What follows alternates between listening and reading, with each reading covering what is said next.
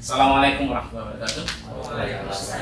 Selamat pagi buat kita semua, salam sejahtera dan pagi ini kita berjumpa kembali di podcast Kala Institute, podcast 1 SKS Senior Kala Institute.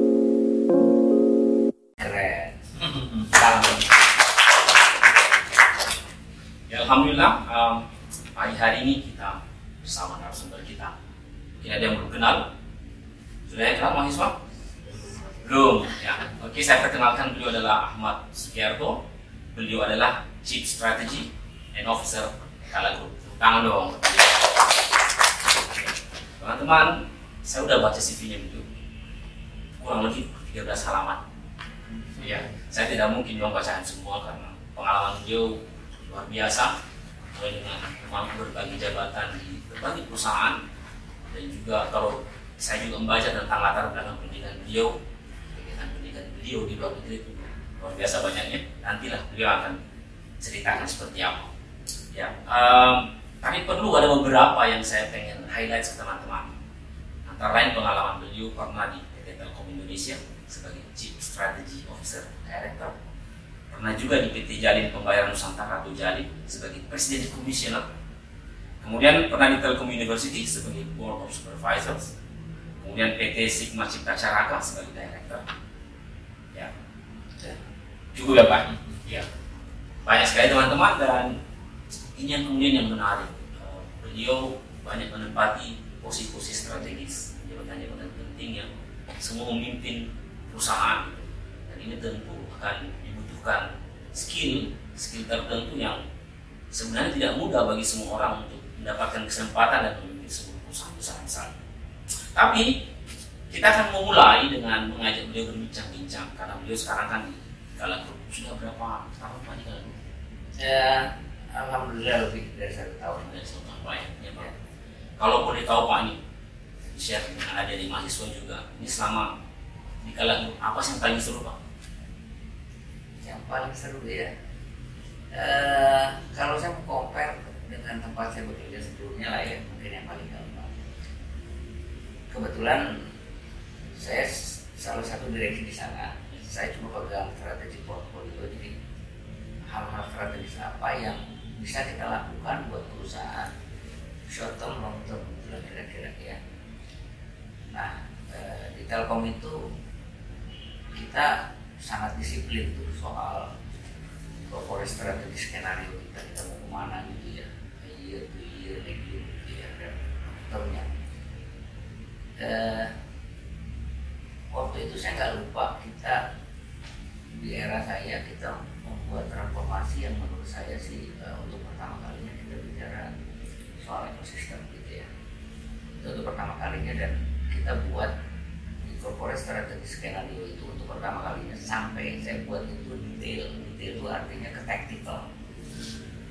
Buat sampai ke tactical supaya teman-teman nggak menerjemahkan itu di awang-awang gitu maksud saya. Nah terus eh, perjalanannya kemudian bedanya pertanyaannya kenapa apa bedanya hal menariknya dibandingkan dengan di sini gitu ya. Kalau di sana saya jadi orang IT kalau di sini ya jadi waktu saya jadi orang IT pelanggan pelanggan kita untuk yang eh, apa yang enterprise itu, lebih dari eh, 2.500 eh, termasuk gabungan seluruh Indonesia. Kalau yang bisnis customer itu ada lebih dari dua setengah juta.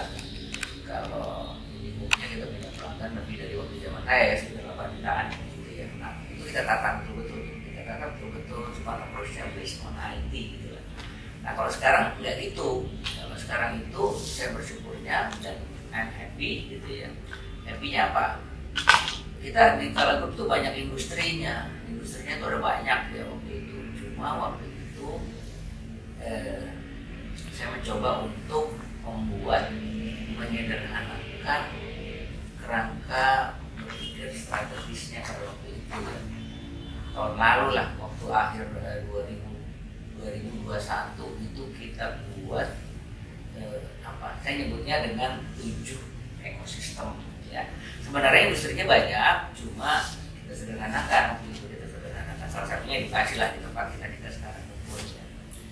jadi ada ekosistem edukasi otomotif dan seterusnya. Ya ada tujuh kemudian kita buatlah tahun lalu itu ya. Apa hubungannya dengan IT gitu ya? Nah IT ini kan sebenarnya sebetulnya harusnya ada di mana aja tadi pagi juga saya baru diskusi bahkan saya bilang begini di satu bulan yang lalu di salah satu komunitas itu kita diskusi dia nanya soal fintech syariah saya bilang fintech syariah disebut saya bilang solution. But saya bilang gitu uh, uh, jangan sampai kita ini buat sesuatu yang nanti nggak ada. Costnya terlalu banyak menurut saya costnya itu terlalu banyak. Jadi atau berani money orang lebih populernya gitu kan jadi harus temukan marketnya yang memang itu skeptis. Ya nah salah satunya menurut saya kala grup itu adalah skeptis potensial. Kenapa? Karena kita punya industrinya gitu. Ya kan? Contoh di gedung ini nih ini ada 11 lantai 10 lantai gitu kan? Ini Pak ini ya. Ada pusat perbelanjaannya nih kan? Gitu kan? Nah, apa yang bisa kita ambil dari situ? Kita punya pelanggan the whole Kala Group eh, dengan berbagai ekosistem. Tahun 2023 kita buat 9 mega ekosistem. Tahun lalu buat 7 dan tahun ini kita buat menjadi 9 karena ada eh, strategik eh, skenario yang kita buat di 2023. Jadi eh, atau yang populernya kalau teman-teman saya nggak tahu nih pada dengar pada tahu apa enggak ya. Tahun ini driving strateginya itu adalah iTalks. Jadi kita unggul. Jadi sebenarnya pelesetannya tuh saya top padahal itu ada meaningnya semua tuh. Kita unggul. Kenapa kita unggul? Kita harus unggul. Kalau nggak gitu sekarang zaman sekarang ini juga uh, 2023 ini kan apa ya tahun yang yang harus kita bisa banyak buat momentum. Karena siapa pun yang lolos dari 2023 2024 itu saya pikir itu harus jadi pemenang jadi kalau pertanyaannya itu yang membedakan uh, uh, saya sekarang orang industri gitu. Saya sekarang orang ekosistem. Kalau waktu sebelumnya saya orang IT gitu. Saya sekarang IT-nya udah nempel di kepala saya. Jadi jadi sekarang itu uh, semoga saya bermanfaat buat ekosistem. Basically di dalamnya mencoba untuk menyederhanakan sesuatu dengan ilmu IT-nya. Jadi kalau kita teman-teman di sini nih, saya suka bilang tuh di salah satu e, kampus negeri ya, saya bilang gitu, mumpung masih pada kuliah nih, mumpung masih pada kuliah gitu kan, mumpung masih pada kuliah, jangan sampai nanti selesai kuliah, teman-teman itu happy-nya cuma one day. Kenapa one day? Karena terima ijazah, coret-coret baju dan lain sebagainya.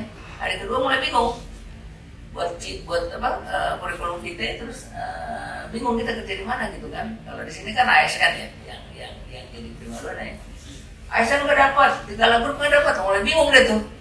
Hari kedua udah mulai bingung gitu. Jadi ini mumpung, mumpung masih di sini makanya lesson learn saya tuh bagus banget. Tuh tadinya saya berpikir IT tapi sekarang saya robah mindset saya. Tadi saya ceritakan fintech uh, syariah oke okay, so what? Saya bilang push the market saya bilang gitu. Jadi teman-teman eh, mumpung ada di sini, bikinlah inkubasi-inkubasi baru, syukur-syukur itu nanti pas lulus teman-teman bisa akselerasi. Jadi pada waktu keluar teman-teman itu jadi entrepreneur. Jadi lulusan kala institut itu jangan berpikir jadi ASN, berpikirlah jadi entrepreneur. Itu money multiple-nya jauh lebih uh, tinggi dibandingkan ASN. Kenapa? Ya bukan, bukan sorry, saya nggak mau mendikotomikan itu. Maksud saya, entrepreneur is a good one, maksud saya. Ya, jadi, uh, saya kalau ditanya, saya mau balik lagi kuliah, cuma nggak diterima. Jauh. Ah, menarik tadi Pak, ada yang Bapak sempat singgung tentang strategi 2023. Ah, nah, ya. di, di kala grup seperti apa strategi menuju? Ya, kita sudah di 2023, 2023 ya. sih strategi dalam rangka membangun goals kemudian ya. strategi revenue itu seperti apa? Iya, oke. Okay.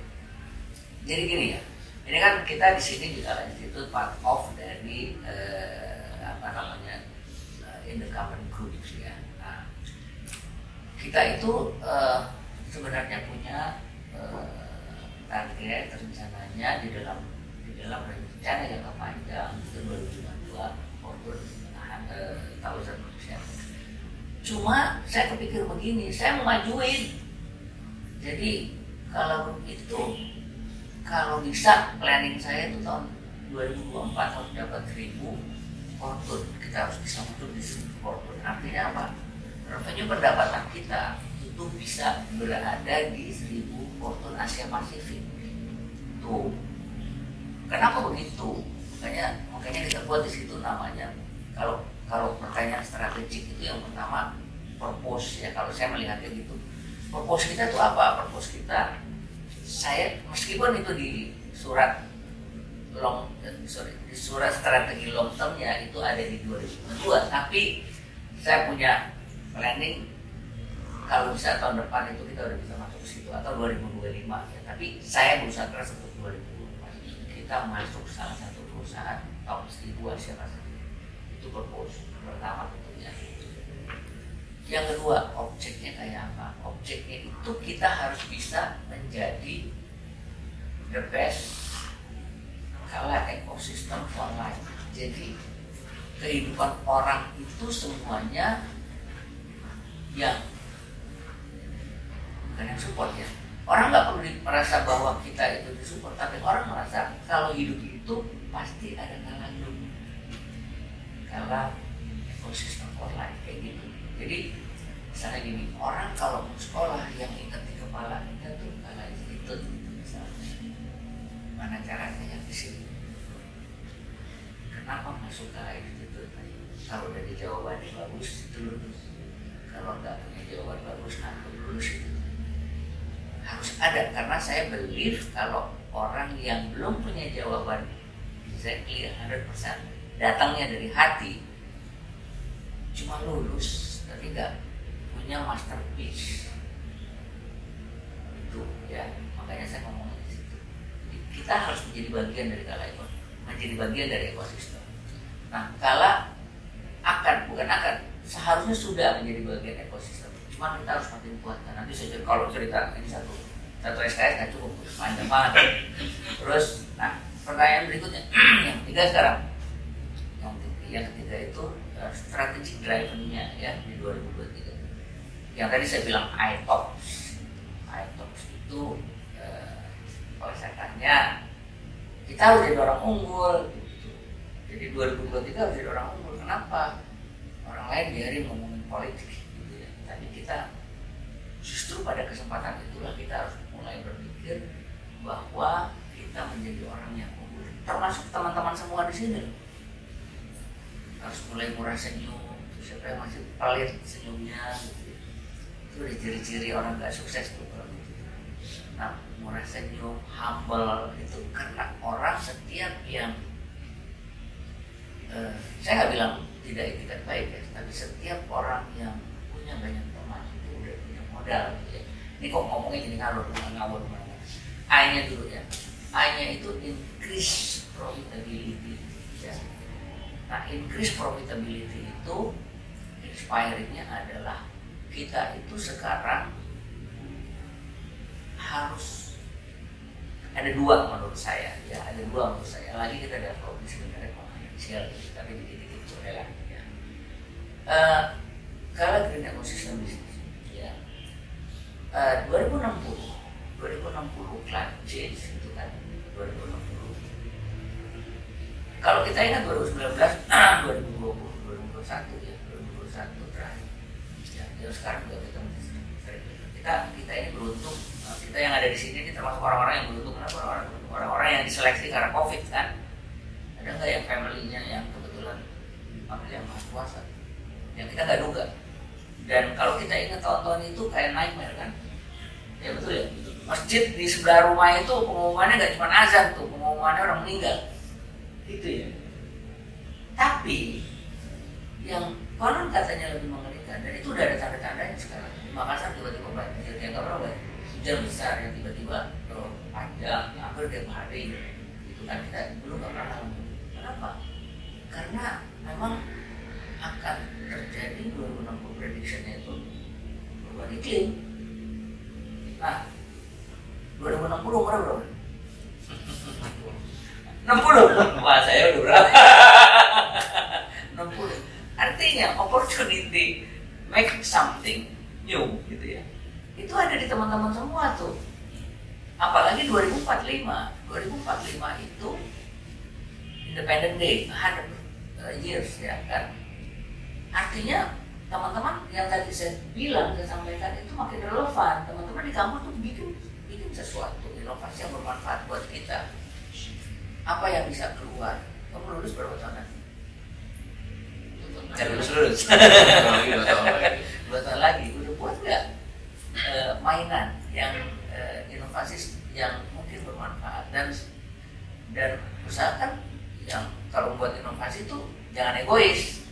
Jangan egois tuh karena hobi kita gitu. Kita nggak mikir yang lain tuh perlu nggak gitu? Apa namanya marketnya tuh ada nggak gitu ya? Kalau marketnya ada oke okay, go ahead kalau marketnya ada okay, go ahead lanjutkan tuh. Ya kayak gitu ya. Jadi uh, green ekosistem itu diperlukan ya. Jadi uh, bagaimana kita di kala itu bisa membuat semua kita di dalam grup itu menjadi satu vehicle gitu, ya yang bermanfaat buat umat manusia ya. Nah, terus yang kedua kalau itu kita bicara soal uh, how to ya tadi keduanya ini adalah bagaimana yang yang organiknya nih sekarang. Yang organiknya tentunya juga nah itu ada caranya juga bagaimana supaya mereka juga uh, tingkat profitability-nya juga bisa tumbuh gitu ya. Artinya di anak-anak perusahaan yang sekarang itu nomor satu ya. T-nya dan O-nya sekarang. T-O-nya itu talent optimasi lah optimization ya. Uh, kenapa talent optimization ya. Karena begini ya teman-teman yang mumpung lagi menurut saya kalian orang-orang yang beruntung di sini ya karena langsung dari tangan pertama kita dapat inspiring. Iya iya tadi kalian ini yang beruntung. Talent optimization itu karena the whole country sekarang ya, isunya tuh satu di dunia itu apalagi di korporasi isunya tuh satu. Apa? Kapabilitas sekarang. Capability. Capability itu di mana-mana pada saat kita bicara ya itu mungkin bagian dari Tuhan yang maha kuasa ya. Nggak boleh ada yang monopoli ya. Tapi eh, pada saat kita bicara korporasi maka talent, talent optimasi itu menjadi penting. Ya, kenapa jadi penting? Ya? Karena contoh saya ambil contoh ya, kaderisasi harus jalan. Kepemimpinan gaya yang sesuai dengan yang sekarang, bagaimana bisa membawa semua aura positif menjadi sesuatu kekuatan.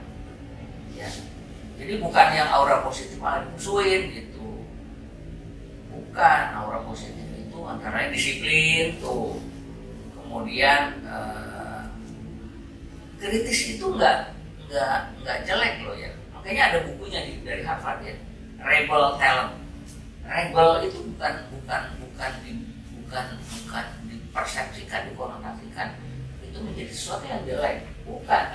Tapi dia biasanya orang yang hebat itu biasanya memang kritis. Gitu.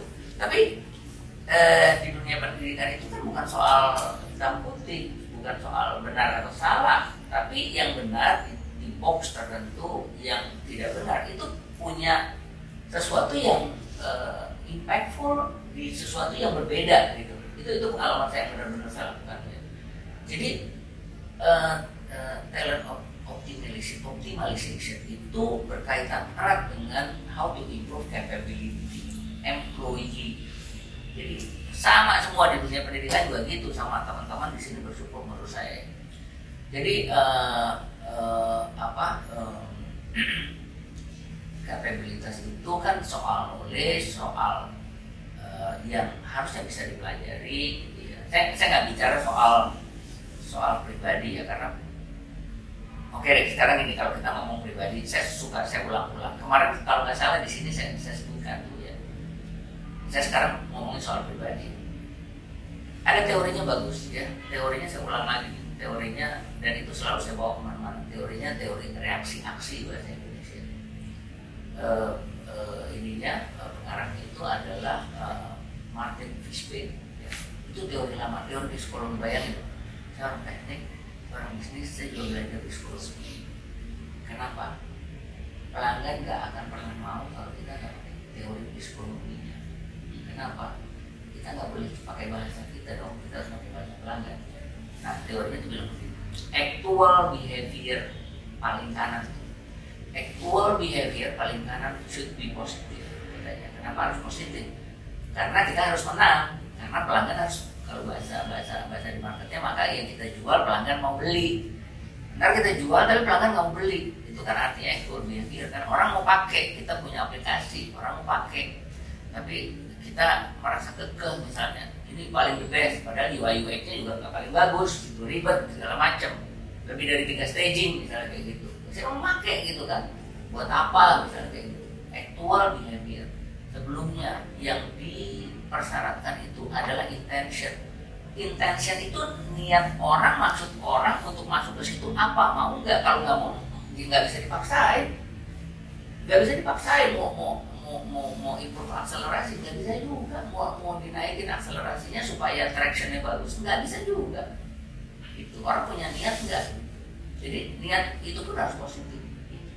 Nah di belakang kirinya saya paling suka dari hilirnya ya. Karena orang kalau saya mulai dari hilir orang akan mudah mempersepsikannya. Makanya saya bilang dari ekor hilirnya orang mau menggunakan kalau jadi orang IT intention bagaimana create traction kalau dia tidak punya niat gitu kan nah sekarang sebelah kirinya yang menentukan itu ada dua variabel ya variabel variabel attitude sama variabel norma subjektif. Kata teori itu ya. Tapi saya pikir-pikir itu benar juga. Attitude itu ya harus dibangun positif ya. Attitude contohnya gini kalau kita mau aplikasi ya bagaimana mungkin kalau kita tidak e, sigap dengan pelanggan-pelanggan kita kita tidak misalnya gini orang punya bad experience sama sama aplikasi kita. Word of mouth itu mahal loh. Mahal banget loh. Itu dijaga loh. Itu untuk recovery-nya tuh mahal gitu. dan itu sulit gitu. Reputation itu expensive gitu. nah itu attitude tuh terus yang kedua norma subjektif. Antara lain itu non, non, non, subjektif bahasa Inggrisnya. Jadi cerita antara lain begini. Kata orang nah tuh kalau kata orang dia begini. Jadi balik lagi nih ya ke, ke apa namanya talent optimis optimization pesan saya di sini ya mumpung teman-teman ini masih masih uh, di semester tengah nih sekarang belajar sebanyak banyak baca jurnal sebanyak banyak kita menjadi apa buat diferensiasi tadi saya ngobrol sama salah satu mbak mungkin kita sekarang lagi begini ambil itu justru sekarang itu ya situasi begini kita harus muncul seluas apa pun laut itu. Kalau kita bisa berdiri sendiri kita akan dilihat oleh orang. Bisa bilang gitu tadi. Kalau nggak kita tenggelam semuanya kalau kita justru dilihat itu menjadi sesuatu yang uh, opportunity buat kita gitu. Nah jadi balik lagi kesimpulannya dua tuh ya. Knowledge sama attitude. Biasanya itu knowledge bisa bisa kita kita apa capability itu bisa kita pelajari dan lain sebagainya tapi saran saya zaman saya itu susah ya zaman saya itu susah. Mau cari jurnal aja susah. Mau cek buat inovasi itu susah. Susah loh zaman saya itu nggak ada investor. Sekarang tuh banyak banget di luar tuh kalau kita bisa bikin bikin inovasi investor banyak di luar. Kalian juga mau loh ya. Kalian itu juga gitu kan kalau masalah ada program inkubasi kan. Nah itu pasti mau dibiayai. Zaman saya nggak ada dibiayai kayak gituan gitu sama saya dulu. Jadi sekarang udah open uh, bisnis semua gitu ya. Jadi manfaatkan betul pada saat di kampus. Oke, terus yang yang uh, TO-nya sudah yang P-nya sekarang. Yang P-nya itu bicara portofolio for healthy business. Artinya apa? Uh, nah ini kalau saya kembalikan ke dunia kampus ya. Tadi saya ngomong soal inovasi. uh, kita suka dengar kan sekarang uh, banyak saya nggak ngomong startup deh. Kalau ngomong startup aja nanti uh, saya kayak benci sama startup. Padahal saya sering ngomong startup loh ya saya nggak pernah benci sama startup. Saya nggak juga nggak mau dikotomikan antara startup dengan company uh, konvensional gitu ya. Karena menurut saya itu sama aja. Cuman cuma ini karena saya dari dunia kampus dan bicara teknologi hari ini gitu ya.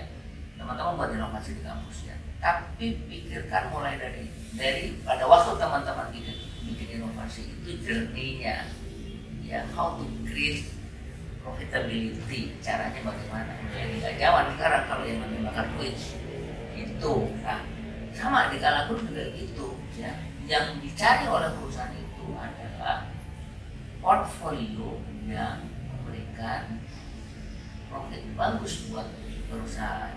Kenapa? Kalau kalian nanti punya inovasi kayak begitu, ya, kalau kalau dapat keuntungan yang happy siapa? Kamu kan? Kamu lah yang untung, yang happy kan? Happynya kenapa? Bisa ngasih sedekah banyak orang, bisa ngasih mata pencaharian buat orang, gitu dong. Dan punya punya punya punya punya cita-cita juga, misalnya Eh, eh, lebih dari satu tahun uh, kerja kerja dengan kita dia dapat penghasilan naik gajinya gitu ya karena perusahaan yang baik ciri-cirinya begitu antara lain ya gaji itu nggak boleh turun gaji terus naik jadi itu harus ada di jerninya nah sekarang kan dengar sendiri kan banyak perusahaan yang tumbang banyak startup yang tumbang gitu kan bahkan bank tumbang gitu kan di Silicon Valley, di mana, di mana pun gitu ya. Nah ini bicara soal portfolio dan terakhir sinergi. Sinergi, ya. sinergi is a must saya ngomong gitu.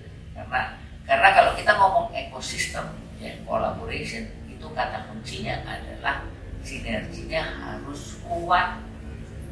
Nah di kala grup sinerginya itu tahun 2023 itu menurut saya jauh lebih jauh lebih jauh lebih dahsyat yang kita rencanakan gitu ya yang kita rencanakan di 2023 saya nyebutnya dengan sinergi as a driver.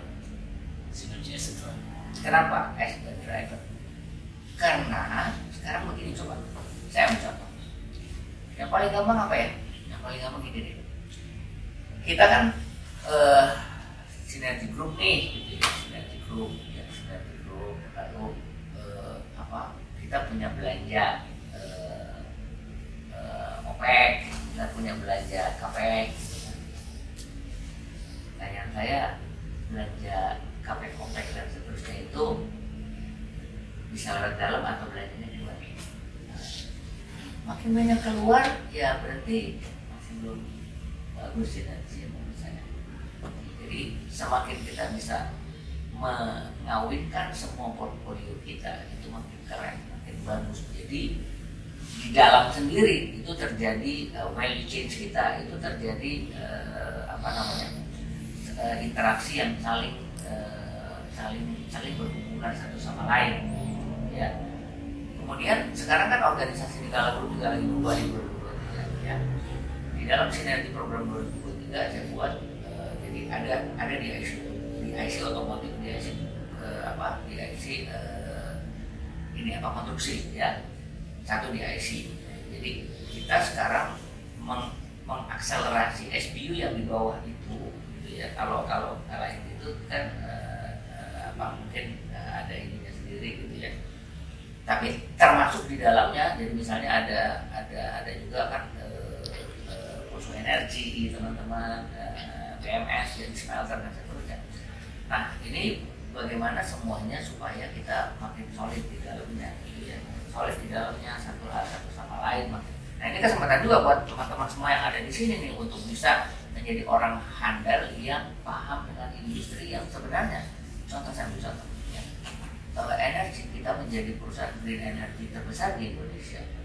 Tuh ya. Nah kalian jadi orang IT jadi lihat bisnisnya dulu ya, bisnisnya dulu. Kalau kita lihat ke poso energi misalnya perusahaan energi orang IT itu bisa uh, sebuah pemikiran apa? Yang kita bayangin kan mereka buka open itu tutup open ini apa uh, ini apa air gitu ya nah itu kan mulai dari mungkin kalau saya menerjemahkannya mulai dari sensoringnya sensornya kemudian internet of thing-nya misalnya begitu nempel ke belakang sampai ke server sampai ke control room uh, control room gitu kan. Terus uh, bagaimana mempertahankan itu gitu kan. Nah seperti itu kira-kira kayak gitu. Jadi uh, apa namanya uh, di IC di IC ini uh, uh, tentunya di bawahnya SBU SBU ya kita dorong supaya uh, SBU lebih bisa lebih cepat mengakselerasi. Jadi kita turunkan beberapa kewenangan-kewenangan ke bawahnya lewat di IC gitu ya. Nah lalu ada potensial uh, potensial project uh, sinergi antara lain kita punya pelanggan uh, the best uh, 100 uh, customer kita. Lalu ada the best 50 ada the best 20 gitu ya. Itu harus kita manage ya. Jadi sehingga bisa terjadi interaksi sama mereka dan bisa saling menguntungkan gitu ya. Saling uh, uh, reciprocal dan lain sebagainya ya. Terus ada ada sinergi lintas uh, direktorat gitu kan. Ada juga kemudian uh, sinergi dalam rangka percepatan untuk infrastruktur sampai dengan application.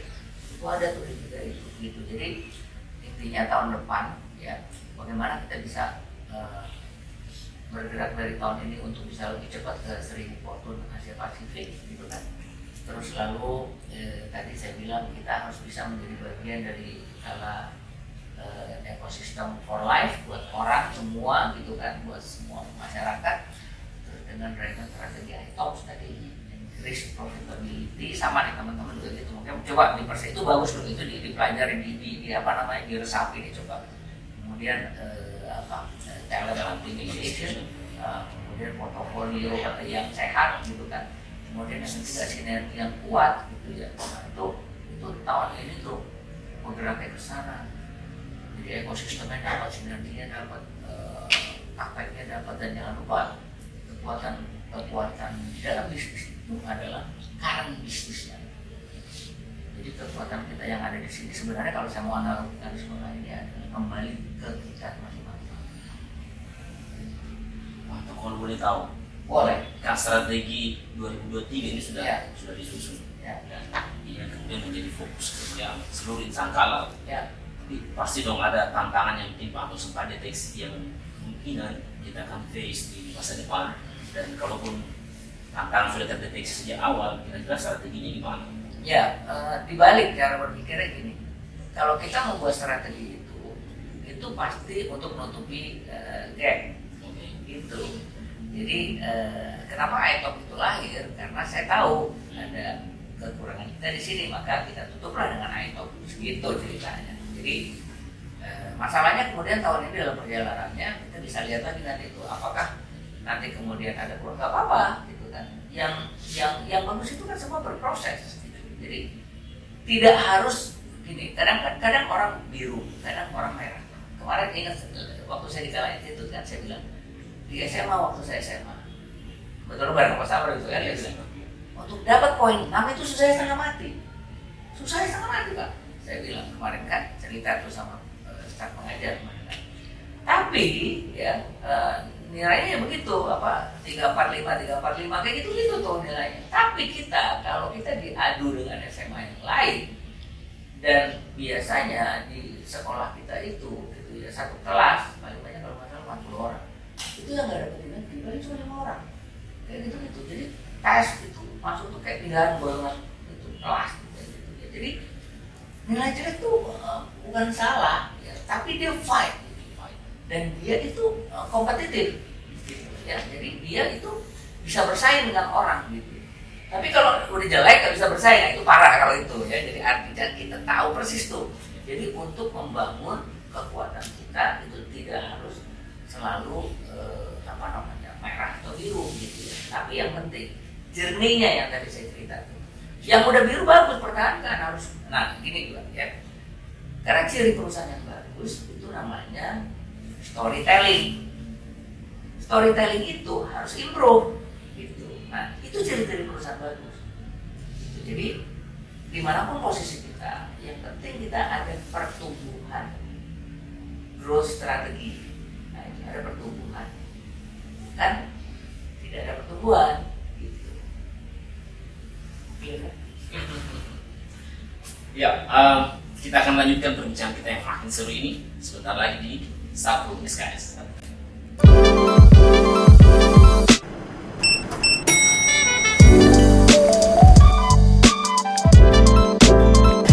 Datang di kampus Kala Institute, di mana pendidikan modern bertemu dengan inovasi kewirausahaan dan teknologi. Di sini, mahasiswa diberdayakan untuk mengejar passion mereka dan membentuk masa depan mereka.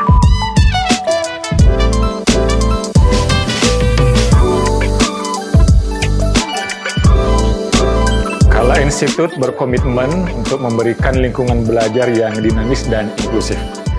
Kami menawarkan program dan sumber daya terkini yang memungkinkan mahasiswa kami berkembang di bidang yang mereka pilih. Kampus kami dirancang untuk mendorong kolaborasi dan kreativitas.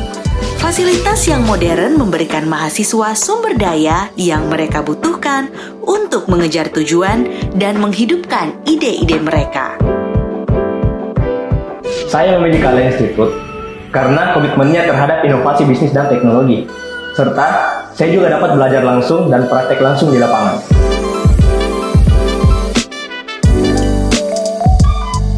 Di Kala Institute, kami percaya bahwa pendidikan adalah kunci untuk membuka potensi generasi pemimpin berikutnya. Bergabunglah dalam misi kami untuk menciptakan masa depan yang lebih baik.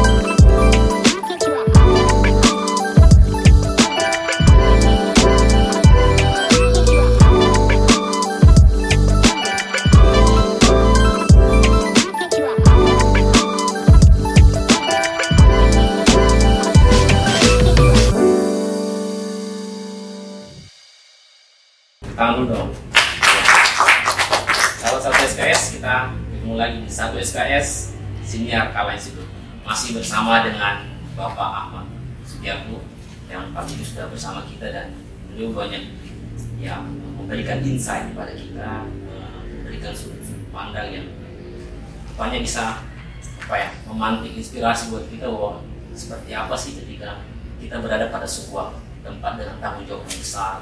Tadi ada beberapa poin penting tentang pentingnya menyusun strategi pentingnya menyusun goals, purpose, kemudian bagaimana strategi mengeksekusinya dan buat teman-teman mahasiswa saya pikir ini menjadi bekal paling penting karena pada suatu hari di masa depan Anda mungkin akan berada pada fase seperti yang beliau sekarang jalan Mantap. Um, Ini sorry loh ya, satu SKS jadi kayak 100 SKS. asik kok asik. Boleh ngomong sore juga nggak apa-apa ya. Ya, tapi Panto, um, anggaplah tadi strategi sudah kita susun dengan baik, kita sudah bisa petakan tantangannya seperti apa, dan Panto tadi sudah menjelaskan bahwa cara berpikirnya dibalik. E, tentu Panto untuk mengawal strategi yang besar seperti ini, tentu kan dibutuhkan leadership yang bagus. Nah, filosofi kepemimpinan seperti apa yang Panto jalani untuk mengawal strategi ini? Eh, sekarang itu ada ini kebetulan kebetulan kebetulan saya googling Eh, sekarang di Harvard tuh ada ini, ada authentic leadership Authentic leadership. authentic leadership kalau kita ngomong jel- eh, apa kepemimpinan leadership style ya itu banyak banyak tuh variabelnya dan eh, menurut saya semua ilmu kepemimpinan itu bagus kadang jelek bagus semua bagus ya. cuman kadang-kadang nanti kalian itu pada saat suatu saat pada suatu saat pasti itu kalau ada wawancara diterima di eh, eh, apa bekerja di perusahaan pasti ditanyakan gitu kan ini eh, kalian harus jago eh, menunjukkan jiwa kepemimpinan ya karena jiwa kepemimpinan kepemimpinan itu eh, ada di dalam diri kita sebenarnya. Itu kelihatan tuh orang-orang yang punya jiwa pemimpin itu biasanya eh, dia punya karya pada saya nggak mau ngomongin variabel itu ya kalau ngomongin itu kembali lagi kepada teori-teori ya cuman yang menarik sekarang menurut saya di dalam authentic leadership itu ya antara lain. Eh, umumnya pemimpin-pemimpin sekarang itu yang paling kelihatan itu adalah dia punya pemikiran yang long term and sustainability dia bisa melihat sebenarnya lebih jauh daripada orang lain itu ciri umumnya tuh ya ciri umumnya. Tapi juga ya di, di, di samping dia punya ciri itu ya. tapi dia juga how to uh, implementasinya dia juga paham paham. Jadi karena gini karena gini juga ya. Ini buku yang uh, uh, ini loh ya ini ini yang ngomong Harvard loh ya bukan saya udah yang ngomong jadi dia bisa bicara jauh ke depan bisa jauh ke depan. Tapi dia tahu sebenarnya bagaimana membuat tali temalinya supaya itu bisa terjadi. Tidak cuma melempar gitu ya gitu. Jadi tidak tidak hanya dia menyampaikan something gitu ya tapi dia juga tahu sebenarnya apa how to do in the organisasi uh, next step gitu ya yang dia lakukan. Jadi jadi di kepalanya dia tuh harusnya ada blueprint gitu. kalau kalau ngomong orang IT ini orang IT semua kan ada blueprint di, di otaknya dia itu dia punya tiga langkah di depan orang-orang pada umum. Sebenarnya dari, dari gaya bicara orang juga kelihatan tuh dia punya punya punya begitu apa enggak ya. Nah, tapi tambahannya catatan dalam dalam diskusi itu dia bilang orang itu tidak hanya bisa melempar gagasan dia bisa memvalidasi dan dia bisa mengeksekusi itu, bisa membuat orang jadi oh iya benar, yuk kita garap. Nah, kemudian dia tuh tahu sebenarnya apa yang harusnya dilakukan di dalam itu yang yang yang menurut saya menarik pertama. Menarik kedua ini juga menarik banget ya. Ini sebenarnya ilmu 10 tahun yang lalu ilmu 10 tahun yang lalu. Integritas di situ dibilang strong integrity dibilang gitu ya. Kenapa? Saya juga merasakan mungkin karena dinamika tahun ini ke depan itu berbeda dibandingkan dengan 10 tahun belakang gitu ya. Jadi untuk membangun sebuah korporasi itu ya sangat dibutuhkan orang-orang yang punya kekuatan strong integrity tadi, integritas tadi sehingga dia bisa membangun perusahaannya itu. Bayangin loh ya, nanti someday, someday kalau teman-teman itu akan jadi pemimpin di organisasi kecil sekalipun, ya. Biasanya itu yang yang sederhana gitu saya punya small medium enterprise A saya gerakan dia lihat dia punya ada opportunity baru ada opportunity baru maka pertanyaannya adalah dia lebih baik membesarkan yang A atau dia membuat yang B. Apalagi yang B ini kemudian tidak ada hubungannya dengan korporasi A perusahaan A small medium enterprise A. Itu nggak mudah. Itu nggak mudah. Jadi saya nggak tahu kenapa itu dimasukkan ke dimasukkan ke klasternya integritas kenapa? E, karena ya itu tadi bisa bisa bisa bisa tidak fokus bisa e, faktor gitu ya. Apalagi e, misalnya kemudian terjadi di dalamnya e, ya say sorry ya misalnya bisnis dalam bisnis misalnya begitu ya. Uh, dia membesarkan membesarkan ekosistem di dalam di dalam perusahaannya dia. Itu suatu hal yang bagus sekali. Tapi ya balik lagi ke yang tadi ya. Jadi bagaimana dia bisa mengalignmentkan antara satu dengan yang lainnya?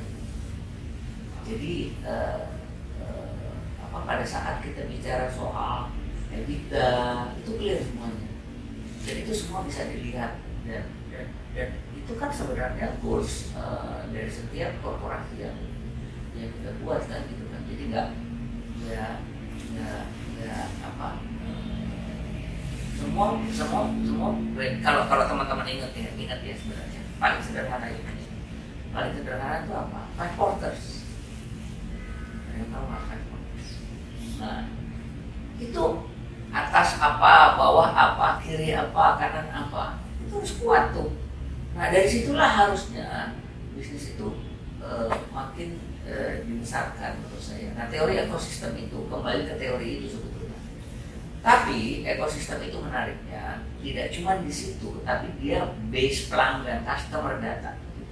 Dari base eh, customer data maka kemudian itu ditarik ke masing-masing industrinya dia membesarkan ekosistemnya mau dia dari investasinya dia ataupun dari kolaborasi untuk memenuhi untuk melengkapi tidak cuma memenuhi untuk melengkapi capability. Makanya saya nyebutnya di situ capability eh, apa namanya eh, kok saya lupa. Eh, capability eh, eh, saling saling melengkapi capability ya. Saling melengkapi, sharing capability kok saya lupa.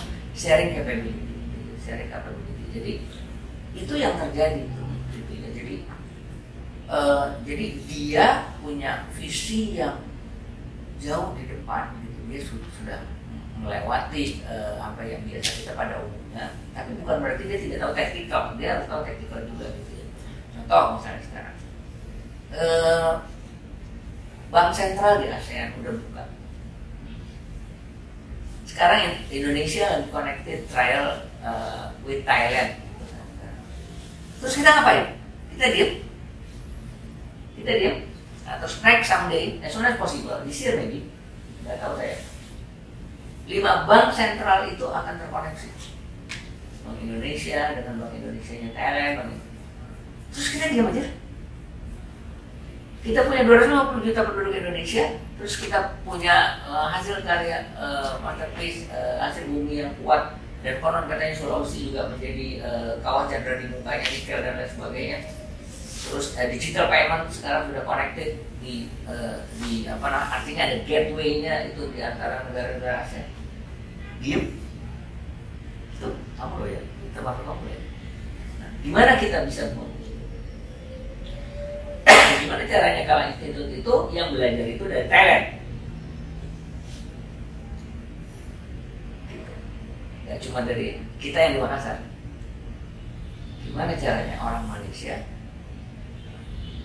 berduyun-duyun karena Perdana Menteri Malaysia itu apalagi kenal dekat dengan JK kan? Nah kemudian mereka bisa belajar dari Malaysia. Jangan lupa loh ya menurut saya sekarang dengan adanya teknologi dan sebagainya kita bahkan kita bisa rapat di mana aja ya. Dulu rapat harus di kantor kan? Sekarang bisa rapat di mana? Eh ada penting urgent malam ini today gitu ya right now gitu kan? Zoom sekarang zoom atas rapi bawah pakai celana pendek gitu kan? Rapat juga tuh tengah malam kan gitu kan? Jadi sampai mungkin orang bisa milih modul kelas di eh, di universitas tertentu dengan universitas tertentu yang ada di barat gitu kan? Jadi modulnya aja. Banyak kok orang yang kayak gitu juga. Short course for example gitu kan? Itu lewat media itu dapat sertifikat sertifikat. Sertifikatnya keluar keluarannya misalnya keluaran eh, MIT keluaran Harvard wah itu kalian buat memenuhi kurikulum kita juga makin bagus gitu kan. Atau gimana caranya? Karena itu juga begitu misalnya kayak gitu. Jadi uh, apa uh, tadi kalau kembali lagi soal itu itu terus kemudian jadi gini saya ngomong gini gini and gini kenapa gini? Yuk kita berenang sama-sama gitu.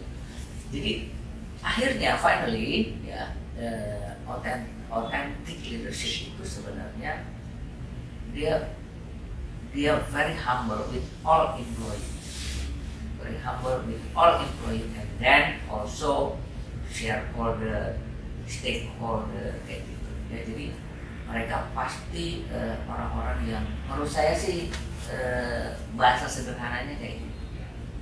Karena uh, makanya saya nggak mau ngomongin soal variabel, uh, banyak lah variabel uh, kepemimpinan itu kan. Ada yang tiga, ada yang lima, ada yang sepuluh, coba aja googling deh, banyak tuh. Tapi menurut saya yang menarik saat ini yang lagi uh, open course di Harvard itu sekarang katanya itu yang ikut tuh uh, apa uh, apa leadership leader leader leader yang bagus-bagus di seluruh dunia itu yang di samping driving profitable growth itu sekarang authentical leadership authentic leadership. Jadi itu jadi uh, authentic gitu kan authentic itu konkret gitu apa ya authentic. Hmm, kayak gitu. Itu. Jadi ini lalu gimana? Di sini. Gitu. Berpikir jauh. They know technical gitu kan. Tapi Eh, kemudian dia juga eh, ini apa eh, bersama-sama dengan eh, apa eh, community ya, ya di employee kemudian eh, shareholder satu pertanyaan lagi Pak untuk sebelum saya ya, akan masuk boleh um, ini kan adik-adik mahasiswa sedang menghadapi tantangan masa depan yang mungkin berubah setiap saat. Yeah. Menurut Pak skill apa nih yang harus dimiliki adik-adik ya. menjawab berbagai tantangannya? Ya, ya eh, gini eh, kalau saya eh, yang saya lempar ke teman-teman ini satu eh, berpikir bisnisnya mulailah dari bisnis. Kita orang IT kan semua di sini kan. Jadi eh, pastikan teman-teman itu tahu bisnisnya. Tahu bisnisnya. Jadi dari bisnis ini kemudian kita yang ada di sebagai orang IT sebenarnya kita punya kalau zaman dulu tuh sama seperti arsitektur dengan teknik sipil. Jadi kalau orang IT di dunia virtualnya gitu ya kan gitu. Nah orang sipil sama orang arsitek orang arsitek mikir saya mau bikin gedung yang fenomena arsitekturnya membuat cita-citanya itu jadi kejadian enggak misalnya seperti masjid 99 kubah ya, kan konkret gitu. nah kalian itu adalah seperti itu kalau saya analogikan. Kalian harus tahu bisnisnya. Bisnis loh ya bisnis. Tahu bisnisnya. Bisnis itu tidak harus selalu tiba-tiba untung gitu ya. Nggak harus gitu juga. Karena yang harus dicari ada ilmunya tapi nanti di kelas yang berbeda lah ya. itu ada ilmunya. Kemarin saya share itu di Pemkot lalu eh, dibangun. Dibangun seperti orang sipil. Cuman kan kita bangun kan gitu kan pakai bahasa komputernya. Jadi eranya kalian ini kan udah eranya ya chat chat GPT dan sebagainya gitu kan. Nah, jadi tidak lagi zaman seperti saya gitu ya. Udah ngomong security juga udah security-nya advance gitu. Jadi security aja juga kan. Ternyata sampai hari ini masih masih ada juga yang eh, apa namanya eh, fraud dari humannya kan gitu kan artinya apa? Artinya sebenarnya ya memang yang konvensional itu tidak bisa dilupakan gitu. yang konvensional tapi gimana caranya menutupi itu? Nah itu balik lagi itu maka maka lahirlah strategi jadi tahu bisnisnya tahu marketnya gitu ya. Bangun. Saran saya karena teman-teman mau lulus bikin itu sebelum lulus. Kenapa? Mumpung kalian punya dosen kerja itu dosennya. Kalau dosen masih enak-enak berarti kawan belum kasih kalau udah lulus kalian gak punya mentor. Gitu. Nah di kampus itu punya mentor. Bikin sesuatu pak ini bener gak saya juga sampai sekarang masih mentoring teman-teman startup tuh ada berapa itu saya punya mentor. Sampai hari ini gitu. Nah, teman-teman kalau salah satu startup yang kemarin dari Kala Startup dari Sopeng itu dia dapat eh, dapat award dari Kominfo kemarin eh, di kelasnya dia di klasternya dia dan dia sekarang mewakili ASEAN untuk klasternya itu kan hebat kalau udah kayak gitu kan ya tinggal kemudian bikin journey-nya terus, validasi terus, validasi terus. Nah itu mulai itu dipikirin. Jadi siapa yang ngerjakan technical rutin gitu kan, dan siapa yang mulai mikirin uh, how to uh, improve something, next something gitu kan, kayak gitu gitu. gitu. Jadi berpikir bisnis, bisnis on IT boleh, gitu ya. Jadi lihat marketnya. Keluar ada apa nanti. Nah, udah. Um, kita akan kembali lagi dengan perbincangan tentunya lebih seru masih satu SKS. Jadi 100 SKS.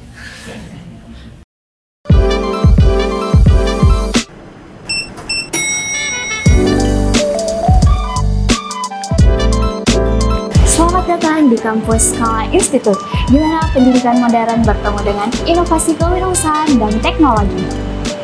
Di sini, mahasiswa diberdayakan untuk mengejar passion mereka dan membentuk masa depan mereka.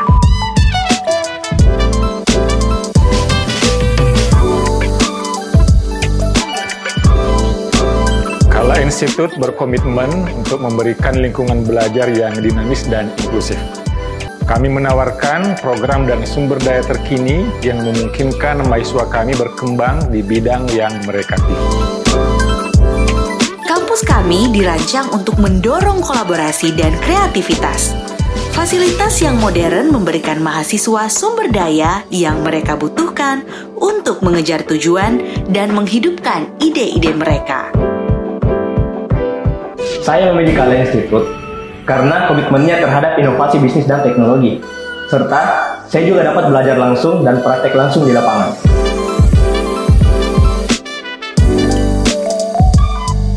Di Kala Institut, kami percaya bahwa pendidikan adalah kunci untuk membuka potensi generasi pemimpin berikutnya. Bergabunglah dalam misi kami untuk menciptakan masa depan yang lebih baik.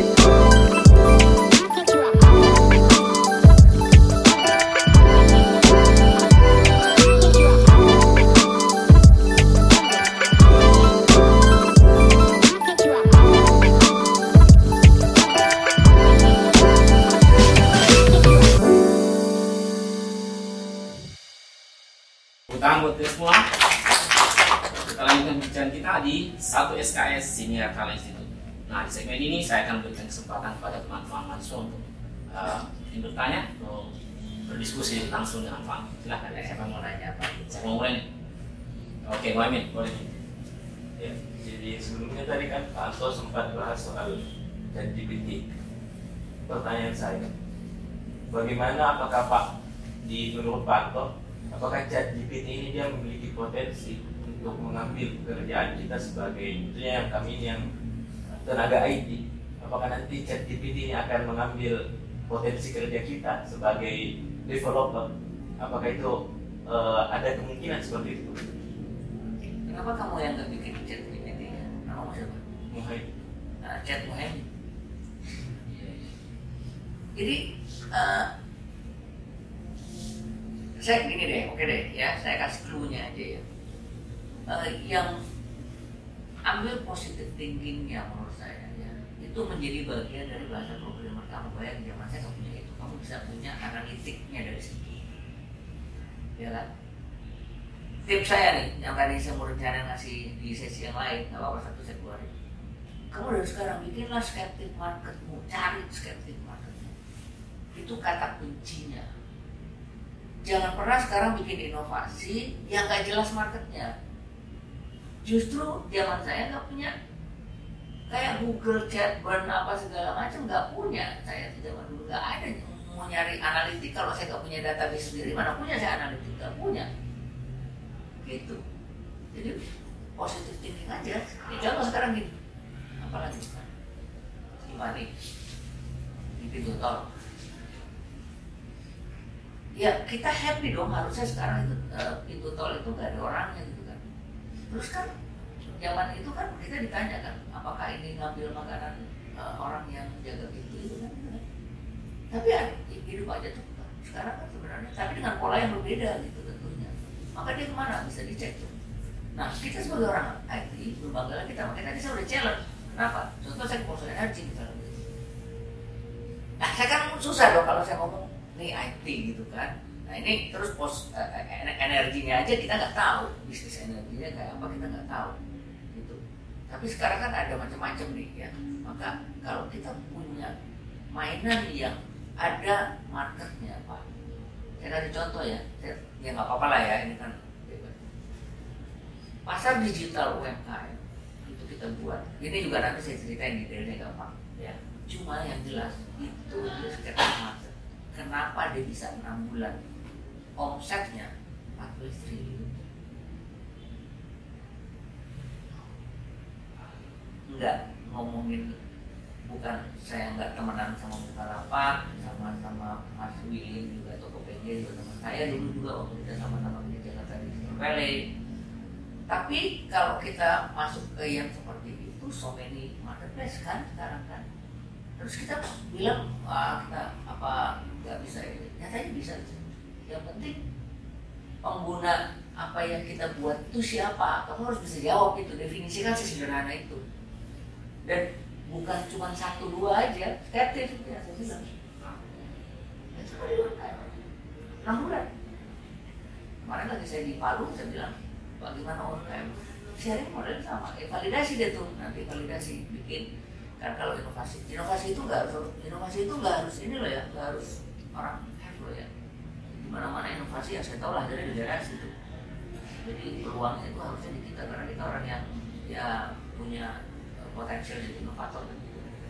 Sekarang tuh gitu bikin inovasi sekarang sebelum kamu lulus kamu sudah punya validasi di sini validasi di kampus. Pasti kamu better daripada lulusan-lulusan yang lain. Ambil setiap temuan yang hebat itu menjadi bagian dari uh, surroundingnya kalian orang IT surroundingnya kalian surroundingnya kalian yang melengkapi maka carilah sekarang marketnya yang spesifik buat kalian. Dan jangan beda. Eh jangan sorry jangan sama maksud saya. Jangan sama yang paling penting skep. Kayak itu. Itu itu bos. Iya. oke siapa lagi? Ya silakan nilai Ya. Terima kasih atas kesempatannya. Nah, kita sadari atau tidak sekarang kita dalam kondisi kolaborasi ya. Eh, bagaimana kembali ke pola kepemimpinan? eh, bagaimana menurut bapak pemimpin-pemimpin ke depannya ini saling menyatukan nilai-nilai atau pola-pola kepemimpinan yang berbeda dan mencapai tujuan kolaborasi. Ya. Eh pertanyaannya keren ini. Ini keren pertanyaannya. Ini susah-susah gampang sebenarnya jawab. Nilai-nilai ya kalau nilai-nilai itu core values ya, core values ya. Jadi core values itu gini sebenarnya. Itu nilai-nilai itu kan yang menjadi pembeda setiap individu ya. Benar ya? Yang menjadi pembeda setiap individu. Kamu believe gak? Kalau di setiap individu, di setiap korporasi, meskipun mereka punya values, mereka punya kelemahan. Kira-kira apa jawabannya? Pasti ada, jawabannya pasti ada. Maka di situlah yang tadi saya bilang capability sharing. Capability sharing menuju kesepakatan yang sudah ditentukan menuju ke arah mana itu. Maka mencari capability sharing itu sesuai dengan arah yang mana. Biasanya misalnya begini, saya mau ke sana, ya. tapi itu harus ditentukan dulu ya. Saya mau ke sana, maka sebaiknya saya harus berkolaborasi berekosistem kolaborasi dengan si ini dengan si ini yang mempunyai core values yang berbeda. Sehingga apa? Ekosistem kolaborasi itu goalsnya apa sih? Ekosistem kolaborasi itu goalsnya yang paling sederhana market share. Jadi kalau kita bicara soal kepemimpinan maka bila ada dua kekuatan yang berbeda mereka bersepakat untuk menuju ke titik tertentu maka dia punya pemujanya itu menjadi lebih besar. Kalau bahasa di korporasinya itu maka market share-nya itu besar. Maka potensi itu makanya kalau di pilpres itu kita suka dengar kita ambil dari sini ambil dari sini supaya saling naik. Itu sebenarnya teori sederhananya kayak gitu. Tapi memang nilai-nilainya itu harus disepakati dulu ke mana. Kalau kita sebagai orang inovator itu jadi saling melengkapi. Sharing capability ujungnya adalah winning the profitability. Kalau nggak pernah ngomongin itu, berarti salah ekosistem kolaborasi itu. Gitu. Baca buku saya. ya, saya saya ngomongin. Ya. Tapi sebelumnya kita masih ada tempat, masih ada mau bertanya. Boleh. Bolehkah? Ayo. Ya. Um, Jangan ragu-ragu. tadi sudah terlanjur dimention tadi apa tentang bukunya ini. kan Oh. related dengan uh, pertanyaan Ya. tadi juga tentang sinergi punya patokan tentang sinergi gue ekosistem kasih bocoran dong pak buat mahasiswa Iya. Oke. Ya oke. Spesial ya buat kalian gitu ya. Itu ekosistem sinergi way of ecosystem collaboration itu sebetulnya buku keempat ya. Buku ketiga itu kelanjutan dari buku ketiga. Buku ketiga saya itu synergy way of ecosystem disruption. Eh sorry sorry kok salah? Synergy way of disruption. Synergy way of disruption. Buku pertama saya itu ekosistem for Indonesia sebenarnya. Buku pertama. Buku kedua agak nyeleneh dikit bicara soal eh, apa namanya bahwa kita di Dayakolot itu kita sebenarnya punya eh, saluran transmisi biggest in Asia pada zamannya. Jadi pertama kali kita menggunakan eh, penggunaan signal eh, untuk telepon dari Indonesia ke Belanda dulu tuh lewat itu. Itu saya ulas secara teknis dan teknologinya. Yang ketiga ini menarik sebenarnya. Saya mau yang ketiga dulu singkatnya sama yang keempat nanti saya lengkapi.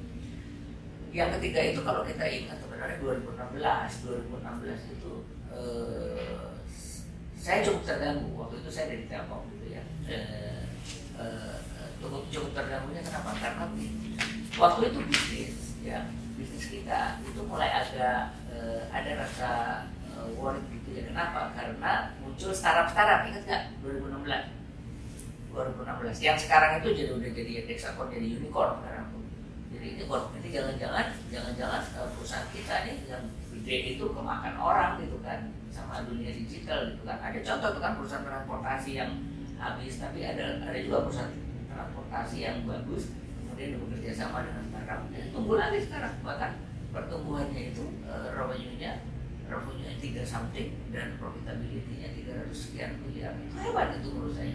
Jadi dia hidup lagi. Gitu nah 2016 itu saya buat itu. Jadi gimana kita kepikir begini kita nggak boleh kita nggak boleh uh, diem. Nah itu makanya ya buat kita di sini ya dalam situasi apalagi 2002 juga. Menurut saya teman-teman tuh nggak boleh diem buat sesuatu. Nah waktu itu saya pikir ini apa yang bisa kita lakukan supaya kita nggak kalah? Ya. kita lakukan pada waktu itu. Semua resort yang ada itu gimana caranya kita kawinkan uh, bayangin tuh uh, di, di satu perusahaan seperti itu yang anak perusahaan juga banyak gitu ya punya karakter yang berbeda-beda kita harus bisa satukan mereka untuk bisa menghasilkan produk yang mendisrupsi orang. Gitu kira-kira. Kenapa kalau nggak gitu? Kalau nggak gitu kita dimatikan kan orang. Jadi kita yang matikan atau kita dimatikan gitu kan. Nah lahirlah buku itu. Jadi ada metriknya bagaimana caranya membuat eh, apa namanya eh, penggabungan-penggabungan itu di, buku ketiga saya. Warnanya tulisannya putih. Kenapa warna merah dan jadi kalau terong pasti ciri khasnya itu. Nah yang keempat nah buku ketiga sorry buku ketiga tadi saya ulang sedikit. Buku ketiga cukup lama saya buat karena memang eh, pada zaman itu cukup buat saya itu cukup saya harus berpikir ya. Gimana caranya buat modelingnya sampai sampai pada saat itu alhamdulillah buku itu eh, eh, kita sempat datangin eh, Michael Eriner. Michael Eriner itu dua orang dua orang yang masyapnya disrupsi disrupsi. Sampai dengan hari ini cuma satu udah meninggal.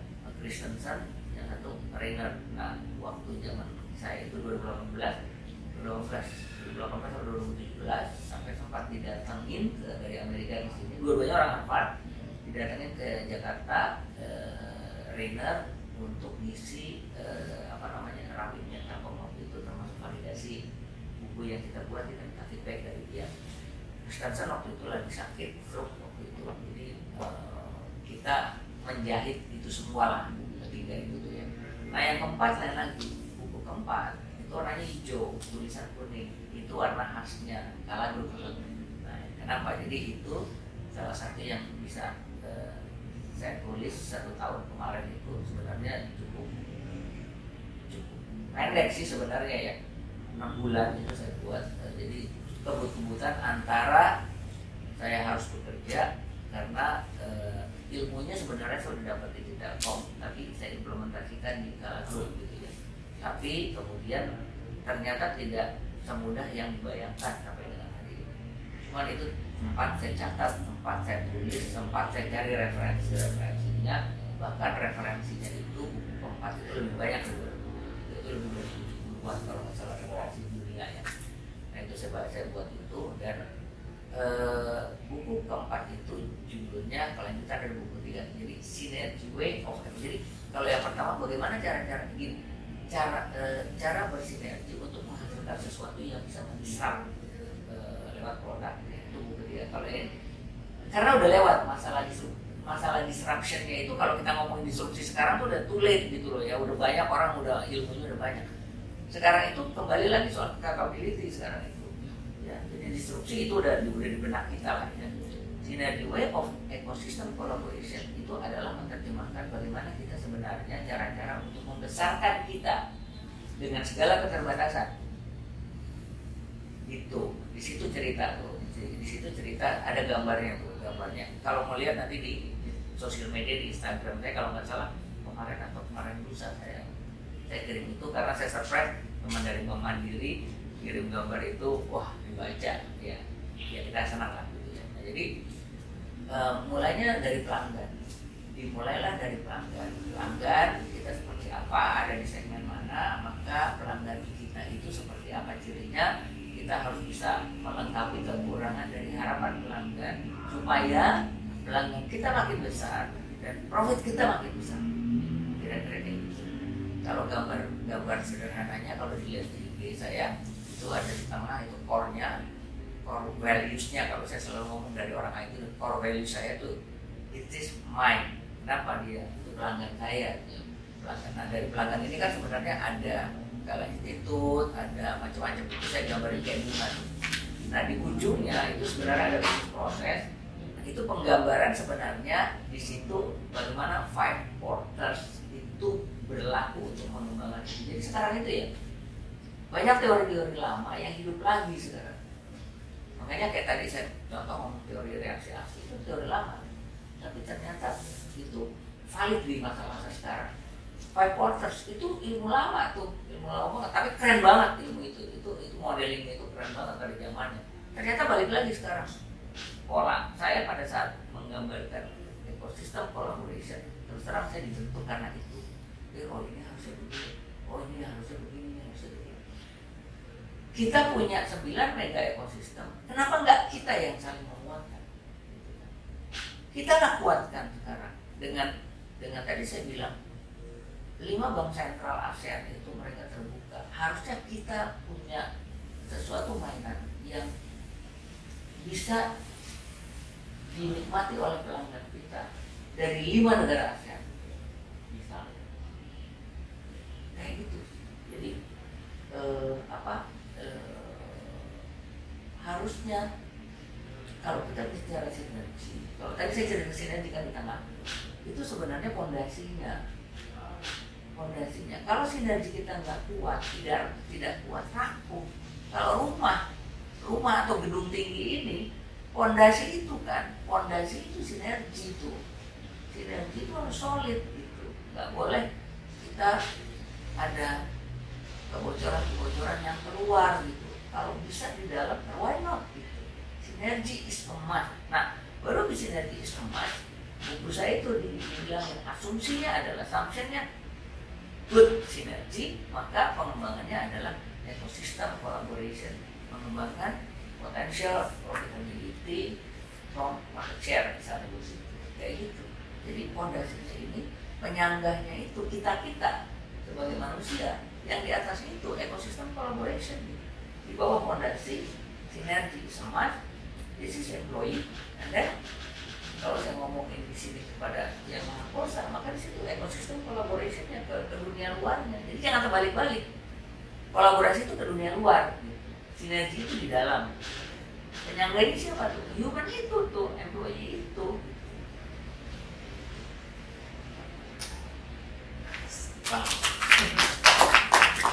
Ya, um, sahabat-sahabat SKS kita sampai pada uh, penghujung perjumpaan kita, tapi uh, saya masih um, meminta nih Pak untuk berikan closing statement.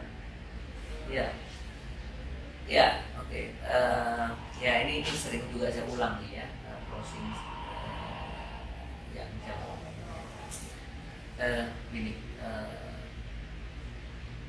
setiap langkahmu harus inovasimu. Karena inovasimu masa depan kamu. Coba ayo. Setiap langkahmu harus inovasi. Karena inovasimu adalah masa depan. Wow, Tuhan. Luar biasa. Terima kasih Pak Anto. Sudah berkenan berbincang-bincang di podcast. SKS Talent Institute. Uh, mudah-mudahan di kesempatan berikutnya kita bisa ya, bincang-bincang lebih detail lagi. Saya yakin mahasiswa ini makin penasaran nih Pak Anto. Hmm. Mungkin ada beberapa hal tadi yang mungkin masih pengen didalami tapi karena waktu terbatas. Ya. Tapi mungkin habis ini mungkin Pak masih akan ada waktunya sedikit untuk bincang-bincang lagi dan kita ya. Kita tutup dulu perjumpaan kita sampai bertemu kembali di satu SKS Siniar Kala Institute.